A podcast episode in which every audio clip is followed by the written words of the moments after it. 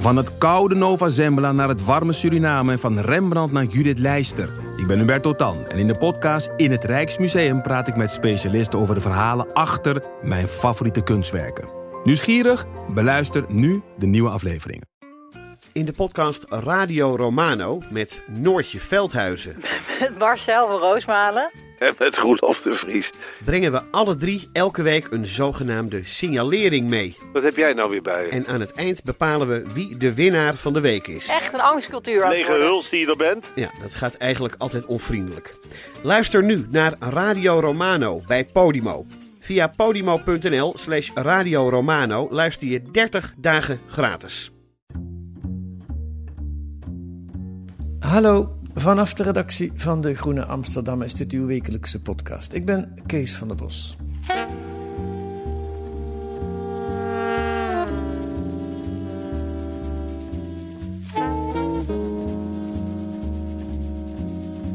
We gaan op zoek naar de verstrooide tijd. Op zoek naar de verstrooide tijd is de titel van het boek dat deze week verschijnt bij uitgeverij Ambo Antos. En in De Groene van deze week staat een voorpublicatie. Verstrooide tijd, wat is dat? En waarom schreef Koen Hagens dit boek? Hij zit hier om dat te vertellen. Welkom in de podcast, Koen. Dank je. Nou, laten we bij die definitie beginnen. Verstrooide tijd, wat is dat? De verstrooide tijd is eh, eh, waarmee ik het gevoel heb proberen te omschrijven wat er met ons gebeurt als we eh, eindeloos voor schermen hangen, kattenfilmpjes zien. Het moment dat je denkt van laat ik eventjes controleren of nog iemand mij een bericht gestuurd heeft. En vervolgens dwaal je af eh, in, de, in, de, in de krochten van, eh, van, van het scherm en kom je er een half uur later achter dat je al je social media weer even hebt zitten controleren en bleef haken op Instagram.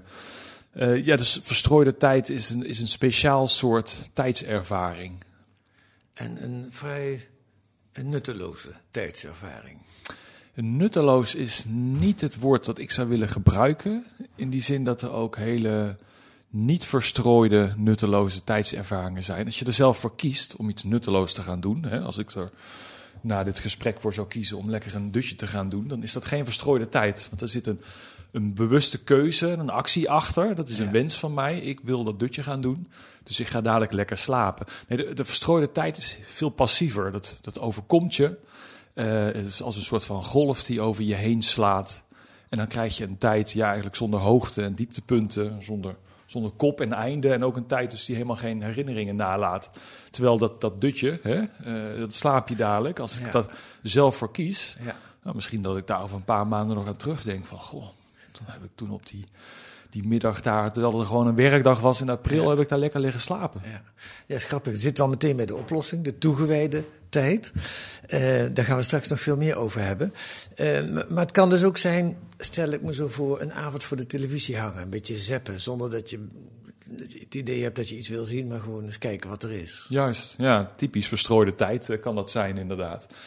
In de zin van dat je daar, ja, kijk, als ik, als ik nou bedenk, ik, zie, ik zie dat er een hele goede film op komt, of ik wil graag die, die serie zien die op HBO Max staat, hè, dan, dan besluit ik daartoe. Eh, min of meer bewust. Eh, maar dat, dat avondje voor de televisie zeppen, zo van nou eens even kijken of er nog iets opkomt. Dat, zit, eh, dat, dat is verstrooide tijd in de zin dat het meestal ook voortkomt van ja, je hebt geen energie om eigenlijk iets anders te doen. Je zou misschien een boek willen lezen of naar buiten gaan om vrienden te ontmoeten in het café of te gaan sporten. Maar hè, dat, dat, dat instapniveau voor die activiteiten is te hoog. Het kost net wat te veel energie, ook al zul je er daarna misschien meer plezier van hebben. Dus blijven we hangen op die bank met de afstandsbediening in het hand. En dan hoef je maar één klikje te geven en je wordt de rest van de avond eh, verstrooid. Ja, en je voelt je meestal ook niet lekker eh, aan het eind. Na een paar uur zo voor de televisie hangen. Nee, ik, ik voel me daar niet goed bij, nee. Nee, nee, ik ook niet. Nee, nee. Ik heb van weinig mensen de indruk gekregen dat ze zich daar heel prettig bij voelen. Ja, ik, ik, ik, ik eh, heb het wel eens omschreven als het gevoel dat ik heb als ik heel veel zin heb. Gewoon omdat ik honger heb. En dan heb ik trek in een McDonald's hamburger, een vegaburger in mijn geval. En dat lijkt dan heel lekker van tevoren. En dan heb ik hem eenmaal gehad. En denk ik van ja, wat heb ik nou ook alweer gegeten? En dat kan ik ook met die tijd hebben. Dat je denkt van ja, wat heb ik nou eigenlijk precies gedaan? Ik had zin om, om even te ontspannen. Maar vervolgens ben ik ergens in, in meegesleept. En ik kan me nauwelijks meer herinneren wat er nou, eh, wa- wat er nou het leuke aan was. Ja, ja. En, en is het een probleem, de verstrooide tijd? Moet je heel erg mee oppassen met dingen als een probleem bestempelen. Of zelfs eh, als het weer een, het een crisis gaat noemen. Daar zijn we heel goed in geworden. Ja, tegenwoordig is alles een crisis. Hè? Precies, ja. Dus laten we daar niet nog een, een crisis meteen aan toevoegen. Ehm, eigenlijk wat ik in het boek eh, mede heb onderzocht is van ja, is dit nou werkelijk een probleem van deze tijd? Of is het iets wat van alle tijden is? Een soort menselijke eigenschap. Hè? Iedereen heeft verschillende emoties en stemmingen die elkaar afwisselen. En misschien is die verstrooide tijd, hoort dat ook bij een bepaalde stemming die, die, eh, ja, die gewoon oereigen is aan mensen. Ehm, en voordat ik het nou een crisis zou willen noemen, zou ik toch wel willen eh, eh, zeggen dat het een, een ding is dat in onze tijd veel, ja, veel, veel meer naar de voorgrond is gekomen. Veel problematischer, zo je wil, inderdaad geworden. En dat is niet omdat het iets helemaal nieuws is. Als, je, als je ver terug gaat in een geschiedenis, dan klagen Romeinen ook al over dat ze eh, zich aan het verstrooien zijn. Dat ze eigenlijk veel betere dingen zouden willen doen met hun tijd. De, de, de Stoïcijnse filosofen is één grote, groot voornemen eigenlijk om iets met je tijd te gaan doen. In plaats van maar weer een avondje te verstrooien. Ze hadden geen televisie en geen schermen, maar ze, ze konden toch de tijd verstrooien. De allerrijkste Romeinen die over die, die tijd, die vrije tijd en de middelen beschikten, die konden dat wel een beetje. Maar daar heb je meteen het verschil te pakken met nu. Onze vrije tijd is, eh, onze verstrooide tijd is gedemocratiseerd. Eh, niet alleen maar de, de rijke elite hangt nu rond op, eh, op bals eh, om, om, om de tijd te verstrooien. Maar iedereen heeft een zekere portie vrije tijd tot zijn beschikking die hij al dan niet kan verstrooien. En het is veel makkelijker geworden, omdat het aanbod van hele lekkere, geraffineerde, sluw werkende, verstrooide tijd veel en veel en veel groter is geworden. Ja, ja, ja. Ehm, daar gaan we het misschien ook nog zo over hebben. Maar ik ga eerst naar iets anders. De, de reden waarom je dit boek hebt geschreven. Eh, volgens mij zijn er twee. Tenminste, ik haalde uit jouw boek, eh, haal ik er twee, zeg maar, als ik het niet, als ik, als, als- hoe ze zich tot elkaar verhouden. De ene is omdat je eh, een aantal jaren geleden een boek over tijd hebt geschreven. eh, de haast-economie eh, beschreef. En dat je daar eh, eh, later allerlei vragen nog over kreeg, waardoor je dacht: God, er valt nog wel wat meer over te vertellen. Maar de andere is een hele persoonlijke eh, ervaring, eh, een bijna doodervaring eigenlijk. Hè? Ja, dat was het tweede begin van dit boek. Soms hebben dingen niet één, maar twee beginnen inderdaad. Vertel daar eens over. Ehm, dat was ruim drie jaar geleden, eh, toen eh, eh, ik lekker aan het schaatsen was 's avonds. Het was Sint Maarten, dat weet ik nog, omdat mijn kinderen in de hal stonden met lampionnetjes. Om langs de, nou goed, Zuid-Nederlands gebruik langs de deuren te gaan en liedjes te zingen en Ja. over snoep. Woon jij in Zuid-Nederland? Ik kom, ik kom uit Zuid-Nederland en ik, woon, ik woon tegenwoordig in Leiden. Maar ja, alles laat zichzelf organiseren. Dus ons gezin heeft briefjes verspreid in de voorbije jaren. En op die manier gingen steeds meer mensen in de buurt eh hieraan meedoen. Oké. Voor, voor je het weet heb je toch een beetje de sfeer van onder de rivieren. Ja. Ver boven de rivieren. Ja, heel goed. Ja. Goed, ja, het, het, wa- het was op die avond en eh, ik, ik zag helemaal niks aankomen, want ik voelde mij heel erg prima. Dat was misschien nog wel eh, het meest verontrustende van zo'n ervaring. Ik voelde me hartstikke gezond, nergens klachten over. De weken daarvoor helemaal niks. En toch eh, eh, kreeg ik in één keer pijn op mijn borst toen ik eh, op de terugweg was van, van dat schaatsen. Ik dacht in eerste instantie ook nog dat het niks was. Maar goed, halverwege de nacht weer wakker geworden. Een vriendin heeft toch een ambulance gebeld. Ik naar het ziekenhuis toe. Ik allemaal sorry, sorry, sorry zeggen dat ik zo moeilijk zat te doen. En die kostbare tijd van verpleegkundigen en, en, en dokters in beslag neem. Maar aan het einde van de rit, eh, helemaal vroeg in de ochtend, toen eh, kwam ik toch eh, de kamer rond mijn bed helemaal vol te staan met de wat hogere salarisschalen in het ziekenhuis. En zoals iedereen die wat ervaring heeft met ziek zijn weet, dan heb je een probleem. Je kunt beter vergeten worden dat er één keer in een paar uur eens een keer een verpleger langskomt. Dus ik had een, eh, een scheur zitten in mijn eh, aorta. In het belangrijkste deel, zeg maar, vlak bij mijn hart. Dus waar al het bloed richting je hersenen gaat en richting al je, ja, je hele lichaam. En eh, mij werd verteld dat dat een soort van fietsband is. En de binnenband was eh, zwaar gescheurd. En als er nog een heel klein beetje bij kwam, enkele millimeters, dan scheurt die helemaal open. En dan, eh, dan ben je eigenlijk vrijwel acuut dood. Wat gebeurt er met jou als ze zoiets vertellen tegen je? Het was geen ervaring die ik vaker heb gehad. Dus dat, dat was voor mij ook een ontdekking. Ik dacht eerst, ze zullen wel een vergissing maken. Ik heb al zo vaak gehad dat je, dat heeft iedereen denk ik wel die ervaring. Weet je, je voelt iets, je gaat je er heel erg zorgen over maken. Vervolgens ga je naar de dokter of naar het ziekenhuis en blijkt het allemaal reuze mee te vallen. Dus ik was zo gewend aan dat idee van ja, uiteindelijk blijkt het allemaal wel mee te vallen. Dat een situatie dat het in één keer veel erger is dan, dan gedacht, dat het het ergst mogelijke is. Ja, dat ik dat me dat eerst niet kon voorstellen. En vervolgens, een half uur later, denk ik, uh, werd ik verrassend kalm. Omdat, denk ik, uh, er gewoon geen keuze was in die situatie.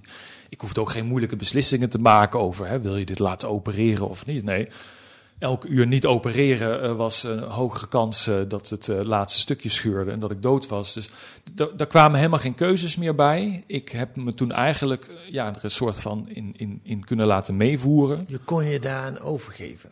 Dat is natuurlijk... Ja, toen ik geen keuze meer had, wel. Ja, ja, ja maar sommige ja. mensen zouden ook gek kunnen worden van angst of van uh, ik wil niet dat ze het bij me doen of zo, maar je, had een soort rust. Ik had een soort rust. Ik heb later uh, gehoord, ook van, van een van de, de artsen die mij geopereerd heeft, dat dat inderdaad niet vanzelfsprekend is. Er schijnen mensen te zijn bijvoorbeeld als je dan in de verdoving gaat, die nog uh, ja, hardnekkig proberen hun ogen open te houden, omdat ze bang zijn dat ze dadelijk inslapen en, en nooit meer bijkomen.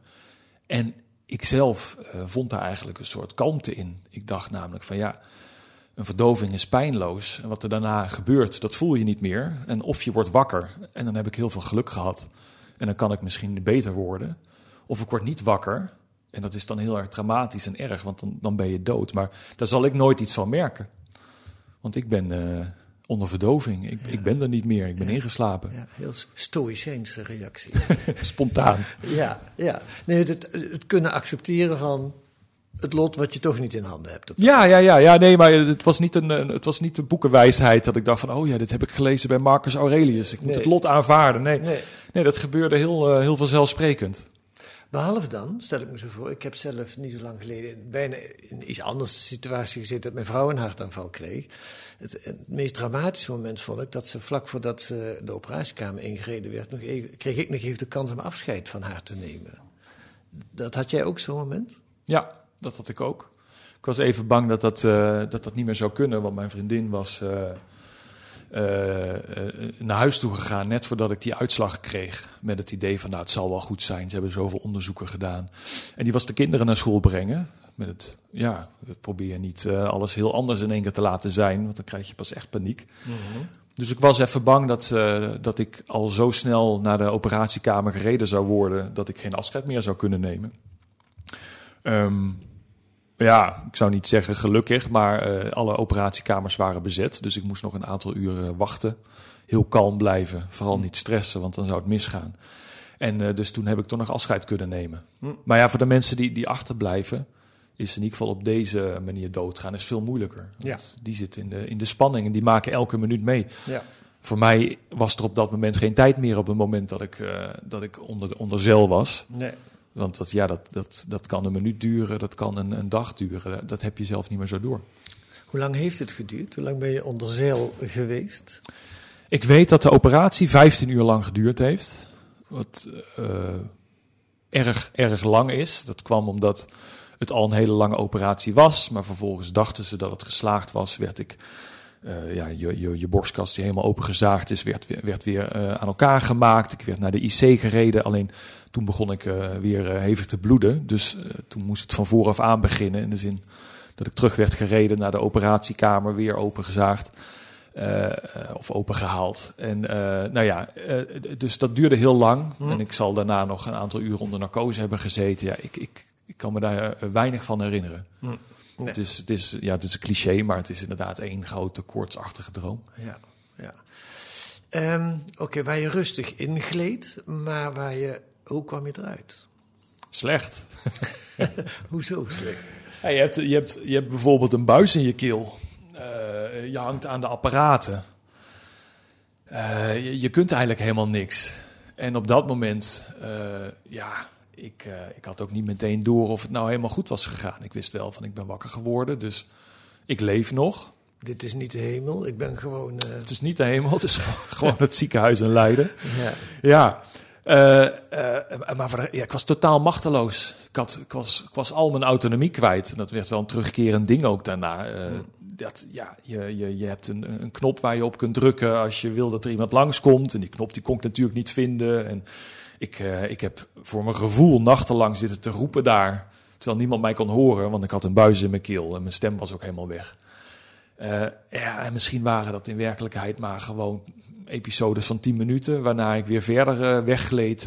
nogal zwaar onder invloed van harddrugs die ik had gekregen in het ziekenhuis. Dus ja, dat, dat zijn hele rare momenten, maar dat, dat, dat elementaire idee van hè, er gebeuren hier dingen met me en ik kan er niks aan doen. Ja. Een beetje bijna als een soort hospitaalhorror is dat. Hè? Dat de mensen allemaal hier zitten te za- zagen en zo. Dat, dat, dat was heel sterk eh, bij mij. En wat weer raakt aan het de thema van je boek, je tijdsbeleving was heel anders waarschijnlijk dan het in werkelijkheid was. Dus wat, je, wat misschien maar tien minuten is geweest, zijn voor jou uren geweest. Waren, Het kan allemaal, ja. Ja, Ja. ja. ja, Oké, maar op een gegeven moment, hoe lang heb je op die IC gelegen? Ik denk maar een paar dagen. Oké, en toen? Eh, toen werd ik naar een gewone kamer gebracht. Eh, ging het in eerste instantie een beetje beter. En toen begon ik ontzettend te zweten en brak er weer paniek uit. Want toen bleek er toch nog heel veel vocht te zitten rond mijn hart. En dat kwam daardoor in de verdrukking. Ja, en dan, dan gaat het eh, voelen als een soort van achtbaan. Van, oh, dan gaan we weer. Hè? We, gaan, we zitten ergens bovenin in, in, in, in, in die achtbaan. En nu stort het weer naar beneden. Moeten ze weer opnieuw gaan openhalen. Nou ja, dat, dat eh, heeft eh, een aantal weken lang eh, geduurd. Voordat ik toen definitief naar huis toe mocht. En toen kwam eigenlijk pas het besef wat er is gebeurd. En dan de, de, de doodsangst. Die geloof ik als, als iets, iets meer aangekondigd is. En je weet dat je geopereerd gaat worden. Dan al een beetje daarvoor zit. Nou ja, dat was het, het, tegenovergestelde van de kalmte die ik toen voelde. Ja, dat, is- dat, is- dat las ik en dat is wel apart. Hè? Dat je van tevoren nog de, ja, kalmte had om dat te, te aanvaarden. En die was je helemaal kwijt daarna. Ja, blijkt toch dat het iets is wat er ergens een keer uit moet. En als het niet aan de voorkant zit, en dat waren natuurlijk maar echt een- aantal uren die ik toen had. Ja, dan moet het, eh, dan moet het er achteraf uitkomen. Ja, ja. Ehm, eh, ik moet dan aan Fokke Oppema denken, de, de, jouw collega in de tijd hè, bij, de, bij de Volkskrant, die zijn eigen, eh, ook ergens bijna doodervaring, ernstig, en die heeft er zijn beroep van gemaakt daarna, zou ik maar zeggen. Die is eh, Ja. mensen nu nog steeds in de lopende serie gaan interviewen over het leven, de zin van het leven. Ehm, wat ik nu bij jou aan het eh, ga doen, heeft, heeft het jou veranderd? Ja. Afgezien van het feit wat je allemaal meegemaakt hebt, natuurlijk, dat het heel ingrijpend is. Wat, wat heeft het veranderd? Nou, het heeft, me, het heeft me heel sterk veranderd. En dan niet op de manier. De verwachting is een beetje, dat komt gewoon door, denk ik, een, een, een, soort genre bijna aan films en boeken. Hè? Dat is dat eh, de ruksigloze carrièrejager hè, komt in één keer eh, de dood eh, tegen en die beseft dat er nog veel meer op aarde is. Dat is een beetje het, het, het popculturele cliché. Zeker, ja. En dat is bij mij helemaal niet het geval. Eh, in de zin, ik dacht al over de dood na voordat ik in het ziekenhuis belandde. Ik, ik, ik, ik hou van filosofie, ik las filosofie daarover.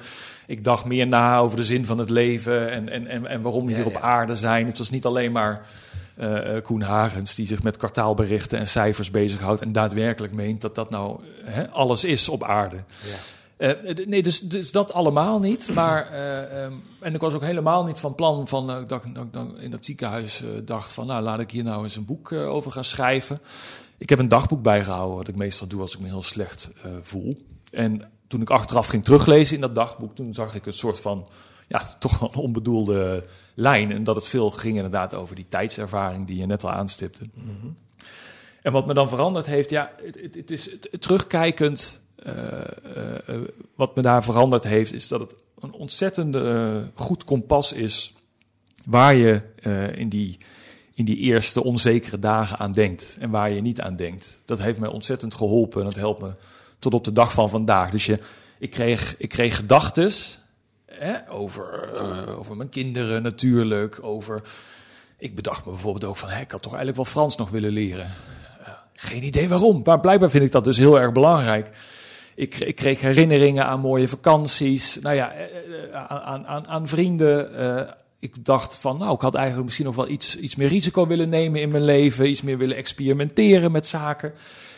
En dat is een soort van kompas eigenlijk, omdat je weet dat wat je op, op dat moment denkt, dat is het allerbelangrijkste. En wat bedoel je met op dat moment? Was dat het moment voor de operatie? Dat lijkt me niet. Of wel? Nee, nee, nee, nee. nee. Wat, wanneer Nee, is dat? dat moment? die opera voor die operatie, dat, is dan, dat zijn een paar beelden die door je hoofd. Het was het moment eigenlijk dat ik wakker werd en mijn eerste heldere gedachten weer kreeg. Dus eh, neem Toch aan al op dat- die intensive care waarschijnlijk. Nou, dat, in intensive verkeer zaten iets te veel pijnstillende middelen achter om, om dat soort gedachten te hebben.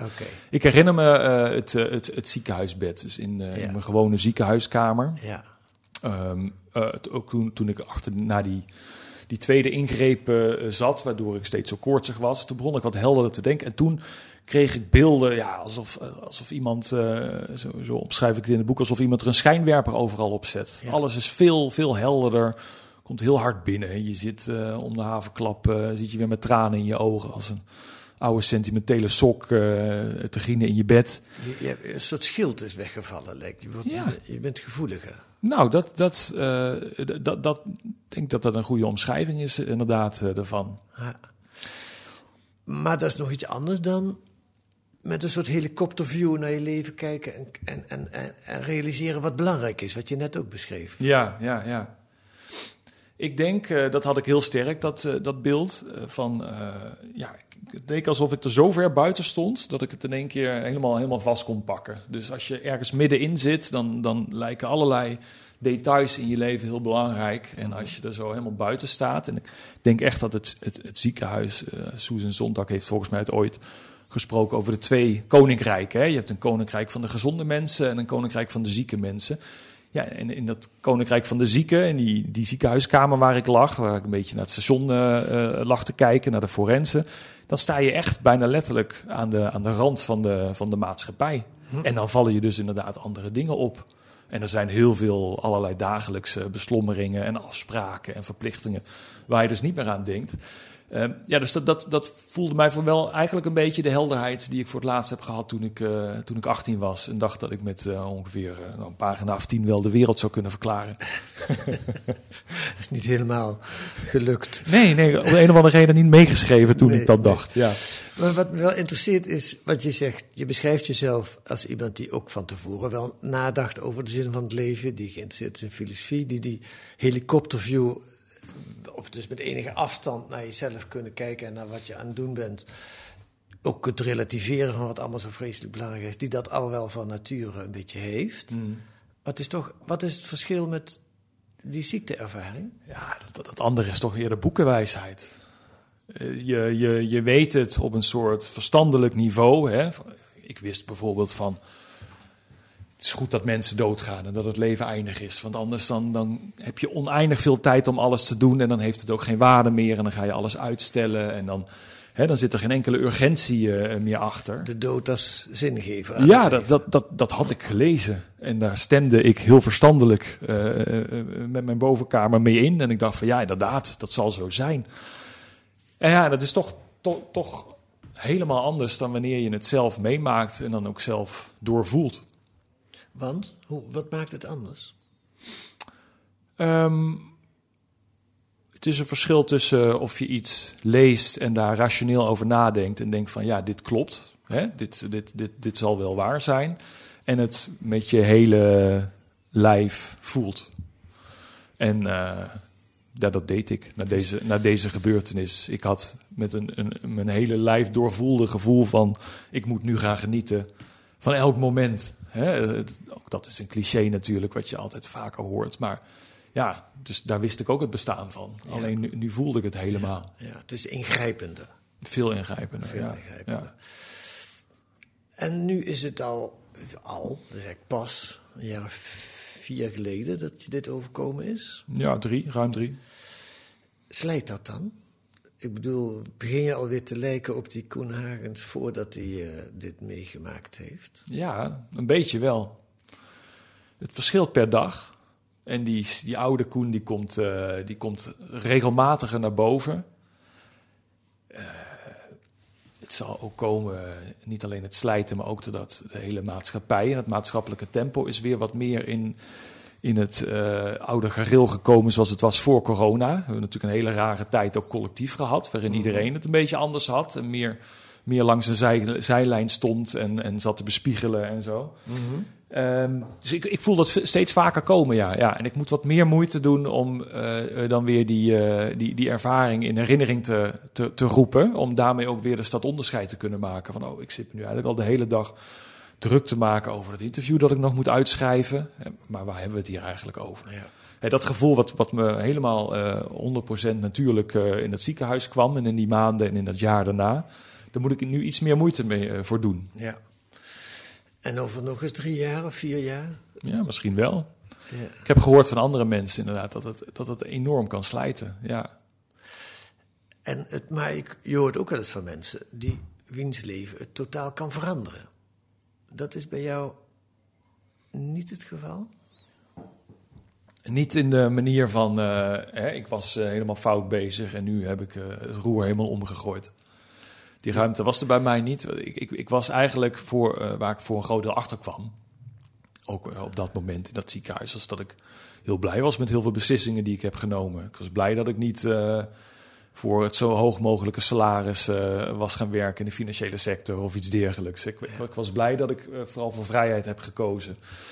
Ehm, ik werd wat ongeduldiger. En dat heeft verschil wel gemaakt. Bijvoorbeeld, nou ja, de reden dat ik, eh, dat ik terug ben gegaan naar de Groene Amsterdammer. Ik werkte Ja. op dat moment voor de Volkskrant. Eh, wat ik ook heel erg leuk vond. Maar één één verschil met, met mij met een aantal jaar geleden is dat ik toen wat eh, sneller dacht van, nou joh, ik, ik probeer het nog een aantal jaar. Of ik, ik span me nu vijf jaar in en misschien dat ik daarna dan in een andere positie iets kan gaan doen. Eh, eh, eh, het standaard carrière maken eigenlijk. Hè? Je, je offert je vijf jaar op en daarna krijg je een leidinggevende positie. Allemaal dat soort gedachten, daar had ik totaal geen geduld meer voor. Dus dat is ook wel een verklaring dat ik toen veel sneller... Ik had in mijn hoofd al van, hè, ik wil op een gegeven moment misschien wel terug naar de Groene Amsterdammer. Of in ieder geval niet meer voor een dagblad. En ik weer meer mijn eigen onderwerpen en, en tempo kunnen bepalen. Ja, en dit, dit geeft er een soort urgentie en ongeduld aan. Want je beseft je in één keer dat je niet... eh, ja, je kunt wel, eh, wel rekenen met van... nou, dan ga ik over vijf jaar dit doen en over tien jaar dat. En als ik dan 70 ben, heb ik dit gedaan. Ja, wie zegt dat je volgend jaar haalt? Ja. ja. Dus je volgde al redelijk goed je hart, maar je ging nog meer je hart volgen. Misschien. Ja, met meer, met meer urgentie. Ja, ja, ja. Goh, ja. En, eh, en, en dat leidt dan tot dit boek, onder andere. Want dat Ja, dat maakt het wel heel erg leuk. is- hoezo? Nou ja, mensen, mensen vroegen mij van, hey, dit is, je, het is de- mijn, mijn derde boek. En iemand vroeg me van, is het dan nog wel zo speciaal? En ik had zoiets van, ja, ja maar dit, ik bedoel, het is niet alleen, is het veel persoonlijker, maar het, het voelt voor mij ook een beetje van helemaal los eh, eh, voor de rest van het boek. Maar dat het er is, is wel een beetje een overwinningskreet, als het ware. Ja. Ik vind het eh, heel erg leuk om het aan mijn kinderen te kunnen geven, bijvoorbeeld. Eh, ik, ik, ja, ik, ik, ik, ik heb heel sterk hiermee. Ik had het gisteren eh, kwam het met de post. kwam mijn eigen ladingje auteursexemplaren, zo heet dat dan. Hè? Ja. En ik hield het vast en ik dacht wel van, nou, wie had dat gedacht drie jaar geleden in, in het ziekenhuis? Dat is heel erg mooi. Koen Hagens is er nog, kijk maar. Ja, En dat vind ik ook wel heel grappig. Daar hebben we, nu, daar hebben we nu helemaal geen tijd voor. Dat moeten mensen maar in de groene lezen. Het, het leidt je naar een, een, een onderzoek waarbij je die eigen ervaring mixt met allerlei eh, andere wijze mensen die daar dingen over gezegd hebben. Een onderzoek naar de verstrooide tijd en de oplossing, de toegewijde tijd. Nog één ding wil ik daar wel uitlichten, want dat vond ik wel mooi. De, de, ehm, wat voor de hand ligt, wat veel mensen doen, is, eh, en dat beschrijf jij ook in je boek, is de oplossing om te zeggen, ja, het is de jeugd van tegenwoordig. En het zijn eh, ook die schermen van tegenwoordig. En dat beschrijf je ook, daar zit een heel wetenschappelijk systeem achter, wat ons... eh, het is geen toeval dat, wij blijven hangen op die schermen. Er zijn mensen die ervoor gestudeerd hebben, die die schermen, die, die, die spelletjes allemaal zo ontwikkeld hebben dat we dat doen. Ehm, en dat is allemaal niet onbelangrijk, zeg je ook. Dat gebeurt allemaal wel, maar daar gaat het toch eigenlijk niet om. Want. je zit ja te knikken, maar Ja, ik, ik heb, ik heb, ik, ik heb eh, de camera in dit boek eh, gedraaid als het ware, eh, 180 graden. Dus door naar mezelf te kijken, naar onszelf te kijken, wat er met ons gebeurt. Want ik denk dat er genoeg eh, geschreven en gezegd en onderzocht is al over wat smartphones doen en wat eh, social media en hoe ze werken, inderdaad. Maar ik eh, had nog niet ergens gelezen wat, het, wat er met onszelf gebeurt op dat moment. En eh, ik denk ook het voordeel van die aanpak is dat je er dus makkelijker voor open kunt staan dat dit al een ouder iets is. En de reden dat ik dat natuurlijk doe, want die had ik, die reden, is dat ik, ik ben zelf ontzettend goed in tijd verstrooien. Maar dan heb ik dus niet alleen maar mijn, mijn problemen, mijn worsteling met mijn smartphone eh, voor ogen. Maar als ik naar de jaren negentig kijk, toen ik uh, aan, het, aan het puberen was, ja, dat, dat waren uh, dagen die ik gesleten heb op de bank voor de televisie. Maar precies datzelfde gebeurde met mij. Hè. Ik, ik moest huiswerk maken. Ik dacht van, nou, ik ben wel heel erg moe. Ga nog even op de bank zitten. En je had toen net uh, de muziekzenders die de hele dag door videoclips draaiden. Eerst had je MTV en toen kreeg je nog TMF, de Music Factory. Uh, en, en, en daar kon je eindeloos tussen, tussendoor zeppen. En dat gaf precies die verstrooide tijd die ik hierin heb beschreven, die we later uh, massaler hebben leren kennen met onze schermen. Je werd daar ook niet gelukkig van. Je werd er niet gelukkig van. Ik kon me niet meer herinneren de volgende dag. Uh, ja, ja, talkshows, hè, Jerry Springer, dat mensen dan met schoenen, stoelen naar elkaar aan het gooien waren om de meest gruwelijke, gruwelijke verhalen en beschuldigingen naar elkaar. Niks daarvan kan ik me meer daadwerkelijk actief herinneren, maar uren en uren en uren heb ik ermee doorgebracht. Dus dat, dat was voor mij ook een aanzet om verder terug te kijken en ja. niet zomaar te accepteren van, oh ja, het is de smartphone, het is de jeugd van tegenwoordig, foei foei. Ja. Wat erg zijn we toch bezig. Zijn jouw kinderen al pubers? Ik geloof het nog niet, hè? Deels wel. Deels wel. Ja. En, want het hoort ook een beetje bij pubers, hè? Dat, dat totale zinloze hangen op de bank. Ja, ja, ja zeker. Ook omdat een van de redenen dat uh, uh, wat verstrooide tijd in de hand werkt, is vermoeidheid. Ja. Uh, ik, ik wijd daar een heel hoofdstuk aan hoe dat dan ook te maken heeft met de wereld van het werk en met hè, de, ja. de, de, de, de, de, polarisatie, de, de manier waarop de werkdag zeg maar, steeds intensiever is geworden en je vervolgens futloos thuiskomt en het dan inderdaad naar de, de, de makkelijkste vorm van vermaak je neigt. Uh, ja, en, en, pubers die kampen daar structureel mee. Ik bedoel, uh, ze zijn de hele tijd moe en, uh, en ze zien tegen dingen op. Ze weten niet of ze opgewassen zijn tegen het leven. Nou ja, dat zijn de perfecte omstandigheden om die, om die verstrooide tijd in te laten floreren. Maar, moet ik zeggen, ik vind die generatie van mijn kinderen zich tegelijkertijd veel meer bewust hiervan dan bijvoorbeeld ook een, een opa en oma. Dat is iets te makkelijk om steeds af te geven alsof het uh, schermtijd een ding is van, uh, van jongeren. Terwijl uh, ze hebben er in ieder geval nog discussies over in de klas. Ze wisselen ervaringen uit van, nou ja, gisteren mijn dochter nog, die had uitgevonden dat ze dan het scherm van de smartphone voort en op zwart-wit ging zetten. dan denk je van, ja, waarom zou je dat nou doen? Je hebt een mooie kleurentelefoon. Maar dan zorg je dus dat heel veel trucjes van de, van de aandachtseconomie. Hmm. Hè, rode uh, spreekballonnetjes, uh, allerlei soorten meldingen. Uh, het, het, het, ziet er gewoon veel minder lekker uit. Ja. En daarmee is het minder verslavend. Ja. Goed, we zouden hier nog heel lang over door kunnen praten. Je hebt er een heel boek over geschreven en een mooi artikel in de, in de Groene van deze week. Koen Hagens, nou, fijn dat je er nog bent in elk geval. En, en dank je wel voor dit gesprek.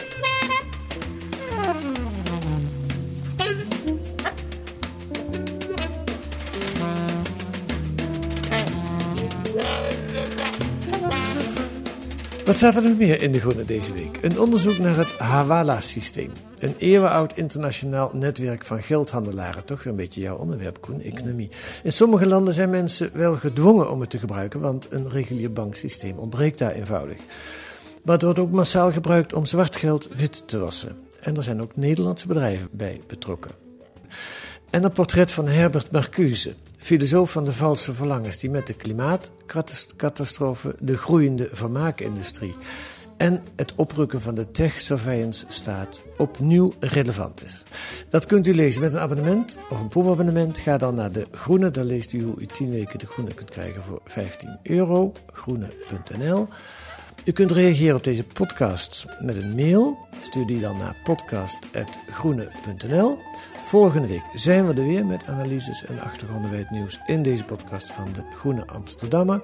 Die deze week werd gemaakt door Noah Fuchs en Kees van der Bos. De muziek is het tune voor en van Paul van Kemenade. Tot volgende week.